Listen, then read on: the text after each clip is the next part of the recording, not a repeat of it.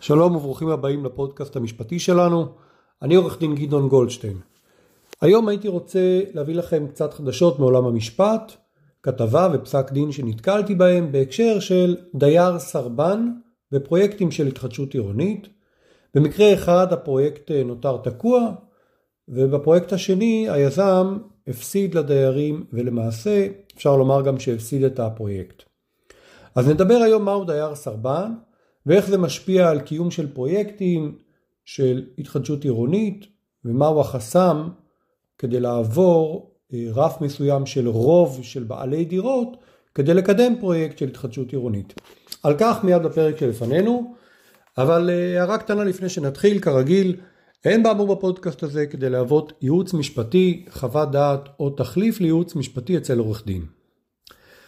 אז השבוע נתקלתי בכתבה שהתפרסמה בעיתון כלכליסט, כתבה שדיברה על האסון שקרה כמעט לפני עשר שנים, ביוני ימלאו לאסון הזה לצערנו עשר שנים, פיצוץ גז שאירע בכיכר העצמאות בנתניה, הרג ארבעה אנשים ופצע עשרות, כאשר חלק מהבניינים שהיו קשורים לפיצוץ נותרו למעשה נטושים ומפויחים עד היום. בכתבה דיברו על כך שבעלי הדירות מייחלים לפרויקט של התחדשות עירונית שיוקם על חורבות הבניינים הנטושים. אבל יש בעיה אחת, הם מסוכסכים אחד עם השני, או לפחות הרוב מסוכסך עם המיעוט. אנחנו מדברים על כ-60 בעלי דירות, שכבר כמעט עשר שנים בעצם נמצאים ללא דירה. תחשבו על המשמעות הזאת. גם אם למישהו מהדיירים יש דירה אחרת, אז יש לו הפסד של כמעט עשר שנות שכירות, לדעתי זה יוצא בשקט למעלה מחצי מיליון שקלים לדירה. שלא לדבר על אנשים שזו הייתה דירתם היחידה ופשוט נותרו ללא קורת גג. איזה אסון זה. אז מה הסיפור שם? הסתבר שהדיירים דווקא התקשרו לפני בסביבות שש שנים בהסכם להקמת פרויקט שנקרא פינוי בינוי אבל עד היום חתמו על ההסכם הזה רק 78% מבעלי הדירות. ואנחנו תכף נראה שזה פחות מהמינימום הנדרש של 80% לפחות, על מנת שרוב בעלי הדירות יוכלו לפנות למפקח על רישום המקרקעין ולהגיש תביעה נגד המיעוט שלא מוכנים לחתום על החוזה וזאת נקראת אה, בעגה שלנו תביעת דייר סרבן. תביעה נגד המיעוט המתנגד. אז אולי רגע נעצור ונראה, נסביר מהו דייר סרבן. אז יש כל מיני סוגים של פרויקטים של התחדשות עירונית. רובכם מכירים פינוי בינוי, רובכם מדברים על תמ"א 38, צריך אולי לעצור ולומר שהוראת תמ"א 38, תוכנית מתאר ארצית לחיזוק מפני רעידות אדמה נכנסת למעשה ממש לישורת האחרונה, לשנה האחרונה שלה, כשלמעשה במהלך אה, שנת 2022 היא תפקע. תוכנית שמעריכים אותה כל כמה שנים, אבל למעשה היא לא הוראה קבועה, היא הוראה, הוראה משתנה של החוק, הוראה זמנית, והיא עומדת אה, לפקוע בקרוב. בכל זאת, יש אה, שני מסלולים עיקריים בתמ"א 38. מסלול אחד נקרא חיזוק והוספה. זה מה שידוע יותר, תמ"א 38-1. אוקיי, מחזקים את הבניין הקיים כנגד רעידות אדמה לפי חוות דעת מהנדס. כמובן שהבניין צריך לעמוד בהוראות מסוימות.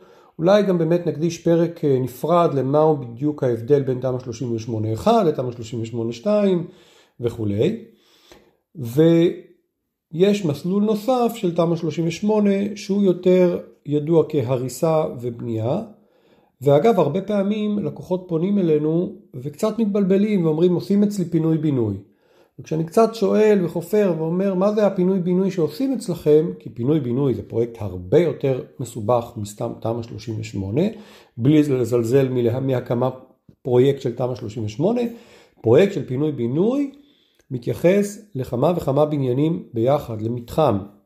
הוא בדרך כלל כולל גם הוראות שנוגעות מעבר לבניין, אלא גם לסביבה. אז הרבה פעמים מסתבר שכשאומרים לך עושים אצלי פינוי בינוי, הכוונה של הדיירים שעושים אצלם תמ"א 38-2 במסלול של הריסה ובנייה.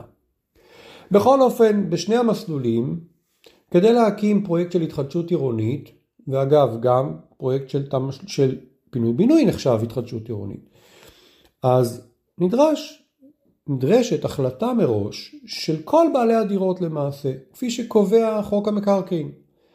למרות זאת, כדי להניע את הפרויקט, כדי להגיש תוכניות לוועדה, לוועדת התכנון ובנייה, וכדי לקדם אותו, מספיק שיהיה לך רוב מסוים של בעלי הדירות שיצביעו בעד ויחתמו על הפרויקט. אז מהו הרוב הזה?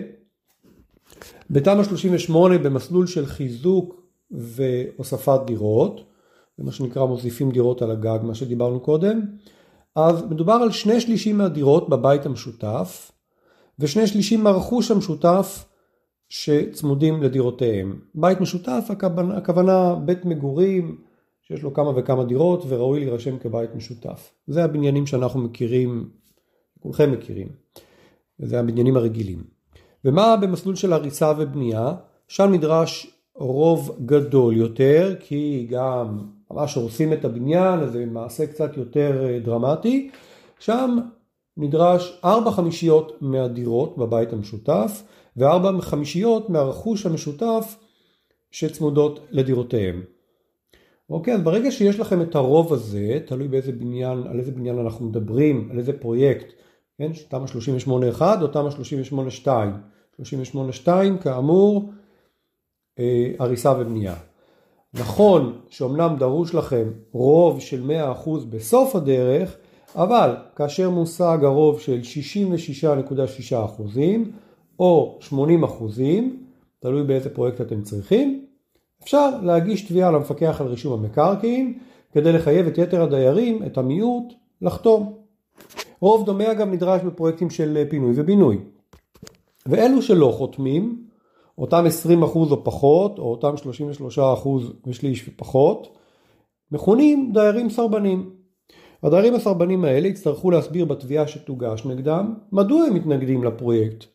יכולות להיות לכך הרבה סיבות ולא מעט פעמים פונים אלינו לקוחות שהם רוצים לדעת האם יש להם בכלל אה, עילה להתנגד, מה הסכנות ובאמת שיכולות להיות סכנות וחשיפות לפרויקט של תמ"א 38 של התחדשות עירונית כמו שגם יכולות להיות חשיפות לזה שאתה לא אה, יוצא לפרויקט של התחדשות עירונית. ואני לא מדבר רק על אה, אירוע של רעידת אדמה חס וחלילה אלא גם דרישות של העירייה לשנות, לתקן, לשפץ מבנים מאוד מאוד ישנים, מבנים שיש בהם כל מיני סדקים וכל מיני בעיות שזה כבר ברמה שמוציאים עליהם אה, צו כמבנה מסוכן שדורש אה, תחזוקה ואז אם לא יוצאים לפרויקט של התחדשות עירונית הדיירים צריכים לממן את השיפוץ בעצמם. אוקיי? אני רק אציין שבאמת בחלק, ה... בחלק הארי של המקרים הדיירים שמתנגדים, אותם דיירים סרבנים, בדרך כלל מפסידים. וזה בגלל שבתי המשפט כבר הדגישו בכמה וכמה פסקי דין את העובדה שבכל זאת אנחנו צריכים לזכור שמדובר בבית משותף. בניין מגורים שיש בו כמה וכמה דירות זה לא וילה, אתה לא גר לבד ואתה צריך כדייר להתחשב ברצון הרוב. בטח אם אנחנו מביאים בחשבון שמטרת תמ"א 38 וחוק פינוי בינוי הייתה גם בעצם לחזק מבנים נגד רעידות אדמה. ופה יש לנו עניין בטיחותי וציבורי ואנחנו יושבים על השבר הסורי אפריקני כמו שכולנו למדנו ויש פה את הסכנות. עכשיו קצת דיברנו על מה זה דייר סרבן, מה זה קצת המסלולים ככה על קצה המזלג של תמ"א 38 השבוע, ממש השבוע, נתקלתי בפסק דין שככה תפס לי את העין. פסק דין שנתן שופט בבית משפט השלום, כבוד השופט אריאל צימרמן, פסק דין מנומק, כפי שהשופט צימרמן יודע לתת, בתיק אזרחי 66797 על 06 על 16 בעניין קריב נגד אל חי ואחרים. על מה מדובר? בניין בתל אביב ברחוב הירקון 16, בבניין 9 דירות. מדובר בבניין ישן שאין חולק כך אה, בפסק הדין, שנזקק לשיפוץ בבירור, באופן ברור, עד כדי כך שהעירייה באמת הוציאה לו אה, צו, תשפצו, אחרת זה עניין אה, מנהלי פלילי. והדיירים חיפשו מוצא וחפש, ובעצם חיפשו יזם שבמקום שהם ישפצו את הבניין, הוא ישפץ את הבניין. והתקשרו בהסכם לפרויקט של תמ"א 38-1 מול יזם, ועליו חתמו שבע דירות. נזכיר, מה זה תמ"א 38-1? חיזוק ותוספת דירות. ולצורך זה, כפי שאמרנו, דרוש לנו רוב של שני שלישים מהדירות ושני שלישים מהדירות שבעצם הרכוש המשותף צמוד להם. ולמרות זאת, למרות שבעצם היה הסכם, ואם חתמו לי שבעה מתוך תשעה, שבע מתוך תשע דירות, אז אנחנו מעל ה-66.6 אחוז. זה מספיק, נכון? אפשר לכאורה לפנות למפקח על רישום המקרקעין ולהגיש תביעת דייר סרבן נגד כל מי שמסרב לפרויקט. ובואו נראה מה הנימוקים שלו. אבל לא עשו את זה. לא הוגשה תביעה למפקח, לא אה, התבקש היתר בנייה מכוח ההסכם שנחתם, והפרויקט של החיזוק לא התבצע, לא יצא לפועל. מה קרה בהמשך? היזם ניסה להפוך את הפרויקט של תמ"א 38-1 לתמ"א 38-2, כלומר הריסה ובנייה. ויש לזה יתרונות ויש לזה חסרונות. האמת שלדעתי היתרונות עולים על החסרונות, אבל זה אולי באמת בפרק נפרד. אבל אז גם היזם צריך חתימה נוספת. למה? כי הוא צריך כבר, אם היה לו 7 מתוך 9, אז עכשיו הוא צריך 8 מתוך 9 כדי לעבור את ה-80 אחוז, את המינימום שנדרש של דיירים, שבעצם זה הרוב היחסי של הדיירים, כדי לאשר לו פרויקט כזה. אז הייתה חסרה לו דירה אחת. והוא ניסה, וניסה להשיג חתימות, ולא הצליח להשיג חתימות, ובחלוף הזמן שני דיירים נוספים גם החליטו שהם מבטלים את ההסכמה שהם נתנו אז לבצע את הפרויקט, ולמעשה היזם כבר ירד לפחות מ-66.6 אחוזים. אז לא רק שהוא לא יכול לבצע תמ"א 38-2, הריסה ובנייה, הוא גם לא יכול לבצע תמ"א 38-1, חיזוק והוספה. היזם הזה כנראה קצת נלחץ, והגיש תביעה בסכום של 750 אלף שקל נגד אחד הדיירים והוא טען שאותו דייר הוא זה ששכנע את היזם לקחת את הפרויקט של החיזוק והוספה ולעבור להריסה ובנייה. ואותו דייר לא חתם, בכלל לא חתם על החוזה. ואז היזם טען שהוא גרם לו נזקים כתוצאה מכך שהיזם כבר השקיע תשומות והכין תוכניות ו- ו- וזמן שחלף ובאמת שאפשר למלא את התביעה בהמון רכיבים אבל גם אותם צריך להוכיח.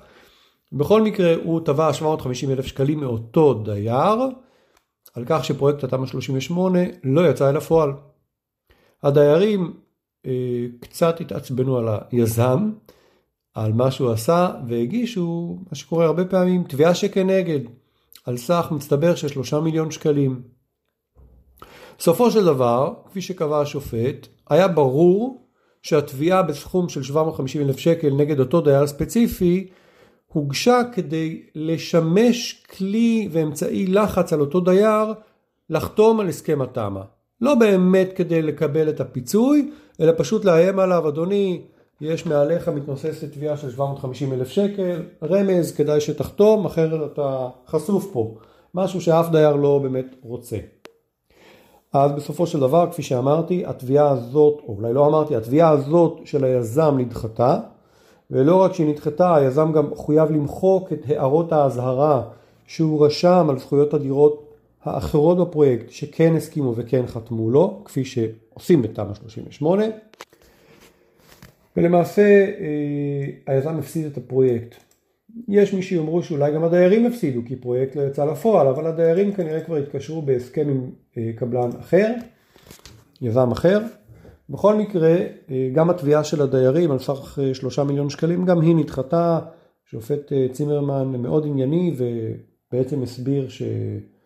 שברור כאן שהמטרה הייתה לדחוף לפרויקט ולהניע את הקבלן מלתבוע ולכן הוא דחה באופן הדדי את התביעות הכספיות. מצד שני ביטל הקבלן את הפרויקט למעשה. אז אה, הסברנו היום מהו דייר סרבן. בחנו שני מקרים שנתקעו. האחד, לא כי היה דייר סרבן, אלא אפילו לא, הוגש, לא הושג הרוב המינימלי שדרוש כדי להגיש תביעה נגד דייר סרבן.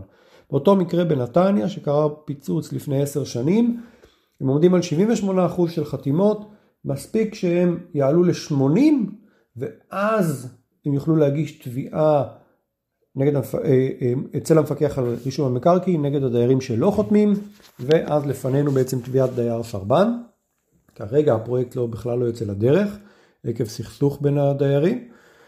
והתיק השני לא רק שהוא נתקע אלא היזם בעצם הפסיד את הפרויקט כשבעצם ניסה לעשות, אה, לשדרג את הפרויקט מתמ"א 38-1 לתמ"א 38-2, תפסת מרובה לא תפסת, וכשהוא ניסה ללחוץ באמצעות תביעה על אחד הדיירים, הוא הקים עליו את בעלי הדירות האחרות שכבר הסכימו לפרויקט, וכתוצאה מכך הוגשו תביעות הדדיות, והפרויקט הזה נגמר.